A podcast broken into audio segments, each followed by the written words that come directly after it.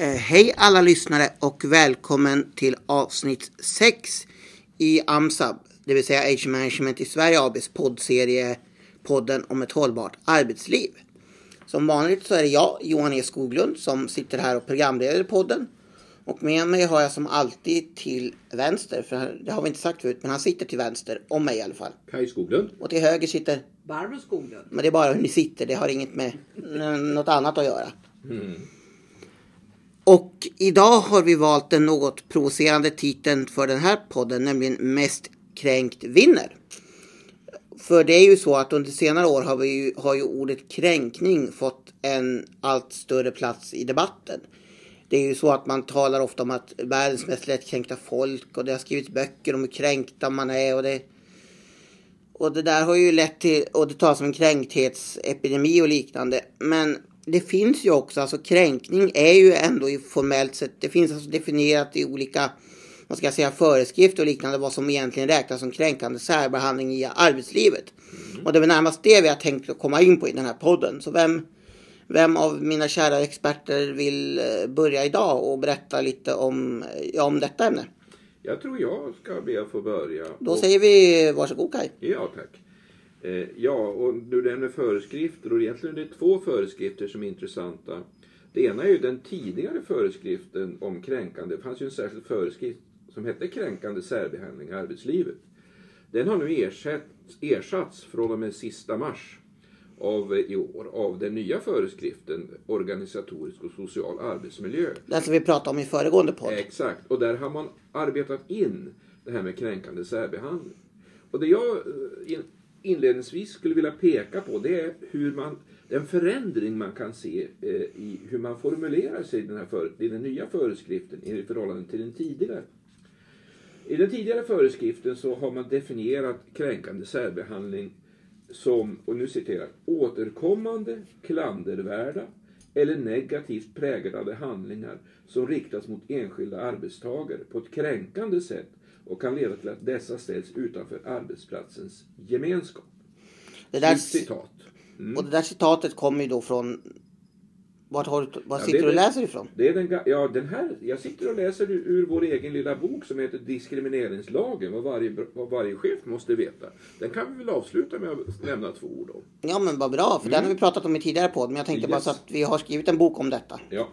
Och eh, det var den gamla föreskriften. Och det jag vill understryka där är att det står återkommande klandervärda. Eh, och det betyder, som vi också har skrivit i den här boken, att ska säga, enstaka klandervärda handlingar i sig behöver inte innebära en kränkande särbehandling. I den nya föreskriften så har man under definitioner så säger man vad är kränkande särbehandling? Jo, då skriver man så här, citat. Handlingar som riktas mot en eller flera arbetstagare på ett kränkande sätt och som kan leda till ohälsa eller att dessa ställs utanför arbetsplatsens gemenskap. Och då har det här ordet återkommande eh, försvunnit. Och det här kan betyda en glidning, eh, en tänkt glidning att det ska bli lättare att faktiskt eh, identifiera en viss handling som kränkande eh, med stöd av den nya föreskriften. Det vet vi inte ännu och det här är någonting som vi ska följa med, med stort intresse. Till sist vill jag väl också nämna att i den gamla föreskriften så hade man i, i det, vad som var allmänna råd så hade man då en rad exempel på vad som menas med kränkande särbehandling. Och de, det är borta i den nya föreskriften. Men det är klart att de här gamla råden i sig, det var ju bara råd vill jag än en gång betona och inte en föreskrift. De ger ju fortfarande, tycker jag, värdefull vägledning i vad som faktiskt är kränkande särbehandling. Men så långt eh, grottande i det här med formalia. Nu tror jag att Barbro vill ta över. Då, Ja. säger vi, eh, då säger vi att Barbro får ta över. Ja, eh, jag har en liten, en liten, vad ska jag säga, fördjupad reflektion kring det här med glidningen som du tog upp tidigare Kaj, den eventuella glidningen eh, om man jämför eh, texterna. Eh, när man tittar på den nya AFSen då, USA, organisatorisk och social arbetsmiljö, den som har lyssnat på tidigare kommer ihåg att där påpekade vi ju att man, där var det viktigt att man tar bort eh, psykosocial eh, arbetsmiljö. Det ordet finns inte utan det heter organisatorisk och social arbetsmiljö. Där man alltså lägger fokus på den organisatoriska arbetsmiljöns eh, vad ska jag säga, påverkan på individens eventuella ohälsa. Och det ser vi igen, så det är helt logiskt att kränkande särbehandling finns under den AFSen som paragraf 13 och 14. Eh, där man lyfter fram är naturligtvis chefers och arbetsledandes eh, ansvar. Eh, de har ett särskilt ansvar när det gäller att förebygga, uppmärksamma och hantera kränkande särbehandling. Det är därför det är viktigt att man då hänvisar till paragraf 6, det vill säga man ska veta och kunna hur, hur man ska förebygga det här. Och det här är inget nytt. Det här är precis samma sak som tidigare. Eh, det här med, men det som, det som finns med eh, är följande. Jag citerar igen från de allmänna råden under paragraf 13. Eh, ett gemensamt arbete kring bemötande och uppträdande kan bidra till att motverka kränkande särbehandling. Gemensamt arbete betyder då tolkar man mer än bara att man har en värdegrund. Man måste jobba aktivt för att den ska upprätthållas. Att ha den på papper är naturligtvis viktigt men den måste, man måste aktivt arbeta för att den ska vara hållbar och, och verksam.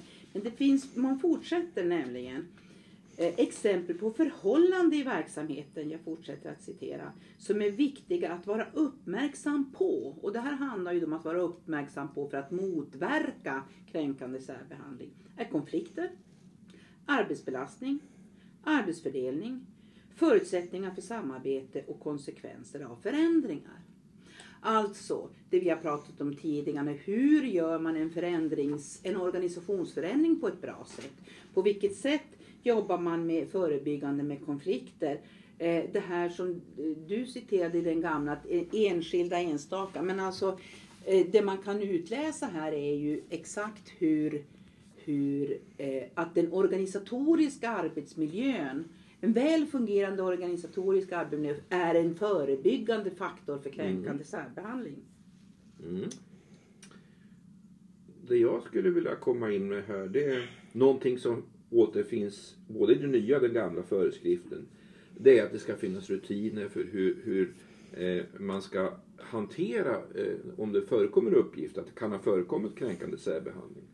Och det som betonas är ju just också hur den som eh, anser sig vara utsatt för en kränkande särbehandling ska hanteras. Att man ska, få, man ska veta om vad man ska, vem man ska vända sig till och man ska också snabbt kunna få hjälp. Det gäller såväl tidigare som, i den, som nu. Det man lyfter fram är ju faktiskt det här att om man inte får stöd ifrån sin närmaste arbetsledare så har man rätt att gå till nästa mm. led, till nästa chef. Förutom då skyddsombuden förstås. Eh, men det här innebär ju så att säga att den här, lag, den här eh, AFSen ger möjlighet för en person att eh, gå vidare. Om inte jag får, jag får gehör hos min närmaste chef så har jag rätt enligt den att gå vidare till nästa led för att få det här gehöret. Men om jag själv är chef då, vad gör jag då? då? Då är det så att... Jag menar, eh, alltså, kan, kan även en chef vara utsatt för kränkande särbehandling? Ja, Absolut. Det, det är ju som jag sagt tidigare, eh, den här lagstiftningen eh, eller den här AFSen. Ni gör ingen skillnad på chefer och medarbetare? Nej, tydliggör att även chefer är arbetstagare ur arbetsmiljölagstiftningens hänseende. Vilket inte alla arbetsgivare riktigt eh, ser eller bejakar eller tar hänsyn till. Utan man anser att eh, en chef eh, alltid är arbetsgivare men det är man inte ur arbetsmiljösynvinkelns... Men, eh, men vi har ju också politiskt styrda organisationer. Ja. Mm, är no, eh, räknas politikerna då som i vissa fall som arbetsgivare eller? Nej, det där är knepigt eftersom då kommer man i konflikt med, med eh, yttrandefriheten. Eh, så att en, det är klart att en politiker som till exempel uttalar sig väldigt förklenande, nedlåtande om en tjänsteman eller en chef kan ju utgöra ett arbetsmiljöproblem. Men det där är mycket intressant, men det är en svårhanterlig fråga. Det har ju förekommit att, och det finns exempel på att politiker, ledande politiker till exempel, inte får vistas i stadshuset. Eh, men, men, men man kan inte Alltså det är svårt, en, en politiker är svår att hantera i det här sammanhanget. Det klarar lagstiftningen inte riktigt av. Å andra sidan är det ju så att rent formellt så är det alltså det högsta beslutande politiska organet som är arbetsgivare eh, företrädaren kan man säga. Eh, Och sen finns det då det vi har pratat om tidigare, denna fördelning av arbetsmiljöuppgifter. Det pratade vi om i förra Jo. podden så behöver vi inte upprepa. Men det, vi- får jag bara säga, det är viktigt där att betona att det är ju en sak att, man, att det politiska organet eh, har ett arbetsmiljöansvar. Ja. Men samtidigt har den enskilde politikern en stor frihet att, eh, att vara kritisk och yttra sig. Ja. Och här kan man säga att här finns en målkonflikt som, som är svårhanterlig rent legalt. Ja. Eh, jag vill, f- eh, finns det tid Johan till en till reflektion? Eh, vad säger Kai? Eh, Du som har koll på vår klocka, hur länge har vi spelat in? Vi har hållit på i tio minuter redan. Ja, men då vill, Vill jag... du ha en liten avslutande reflektion får du Ja, ha jag det. vill Bara. Ha, jag vill ha det. Och Kai vill ju också säga några Ja. ord om vår bok så att vi, ni får... Ja, en, en kort, kortis. Eh, även här, paragraf 14, så lyfter man fram samverkans... Eh, ja, den samverkan som ska ske genom eh, med det systematiska arbetsmiljöarbetet, alltså den berömda SAMMen, redan två, alltså 2001 kolon 1. Det vill säga, för man kan ju undra, risk för ohälsa stod det tidigare, om det är då man ska agera som arbetsgivare, närmaste chef och, och skyddsombud. Jaha, men vad är ohälsa då? Mm. Och då, då har vi redan sedan 2001 ett ansvar om det finns risk för det. Det vill säga, man, eh, om en arbetstagare råkar ut för ohälsa eller olycksfall i arbetet eller om något allvarligt tillbud inträffar i arbetet ska arbetsgivaren utreda orsakerna så att risker för ohälsa eller olycksfall kan förebyggas i fortsättningen. Alltså en klassisk riskbedömning med en handlingsplan. Så det är inget nytt under solen. Den har funnits alltså sedan 2001. Så det bara, krokar bara på det som redan finns. Eh, det man lyfter in som också är intressant det är eh, ett undermåligt utredningsförfarande när det gäller kränkande särbehandling kan vara skadligt både ur arbetsmiljö och hälsosynvinkel. Alltså man lyfter fram hur viktigt det är att det ska vara ett kvalitativt bra arbete. Den som genomför en utredning bör därför ha tillräcklig kompetens, möjlighet att agera opartiskt och ha de berördas förtroende. Och det här är ju, det, det, är ingen tvekan om att det här har tillkommit efter den mycket uppmärksammade eh, rättegången i, Östersunds tingsrätt. Eh, där man och där sen gick vidare. Där en socialsekreterare dog eh, på grund av, på, ansåg man, eh, omständigheter i arbetet. Och Han tog man- väl livet av sig. Ja, så var det. Han, han begick självmord. Självmord. Och det visade sig att man hade gjort en mycket, mycket, på eget initiativ, en mycket undermålig utredning. Och det har, även om de åtalade cheferna frikändes så var domstolen mycket, mycket kritisk. Jag tror att man kan direkt härleda det till det här. Men min slutkommentar skulle vara, för man säger också där att det som du säger Barbro, det är förebyggande. Man säger också att man ska inte använda den här föreskriften för att reglera frågor om kompensation och skuld. Och då är vi inne på en annan lagstiftning där detta kan vara aktuellt och det är diskrimineringslagen och, de, Yes. och de diskrimineringsgrunderna. Och diskrimineringslagen är till skillnad från, från arbetsmiljölagstiftningen, den är tillbakablickande. Den prövar vad som redan har hänt. Och här har vi en viktig eh, eh, distinktion. Eh, avslutningsvis, mest kränkt vinner. Ja, ni ser att det här är en komplicerad värld. Jag kan ha en känsla av att vara kränkt. Och det kan stämma mycket väl. Men det kan också vara så att eh, utifrån en oberoende utredning så kan det visa sig att det är inte... Det, eh, känslan som personen har är eh, alldeles riktig, men... Ja. Och då är ju frågan hur ska man gå tillväga om man ska göra en opartisk utredning? Det är en bra fråga. Ville du säga något om vår bok? Bara lite kort. Ja, det kan jag bara säga då. Det glömde jag förstås. Den heter alltså Diskrimineringslagen, vad varje chef måste veta. Och den kan man eh, beställa, eh, kontakta oss via vår hemsida om man är intresserad. Agermanagement.se. Ja, och det är en mycket, mycket praktisk och konkret handling. Bra, och den som vill veta mer om den boken eh, kan ju eh, lyssna på vår tidigare podd. I vår förra podd så är det vi har tagit upp eh, eh, en speciellt avsnitt just om alla våra böcker. Det är inte det enda, vi, enda företaget har, ligger bakom. Och då ska vi avsluta med att titta på nästa ämne och det kom, då kommer vi att prata under rubriken The Red Team, vår metod. Och då får ni lyssna på avsnitt 7 om ni vill höra vad det innebär och det vill ni säkert göra.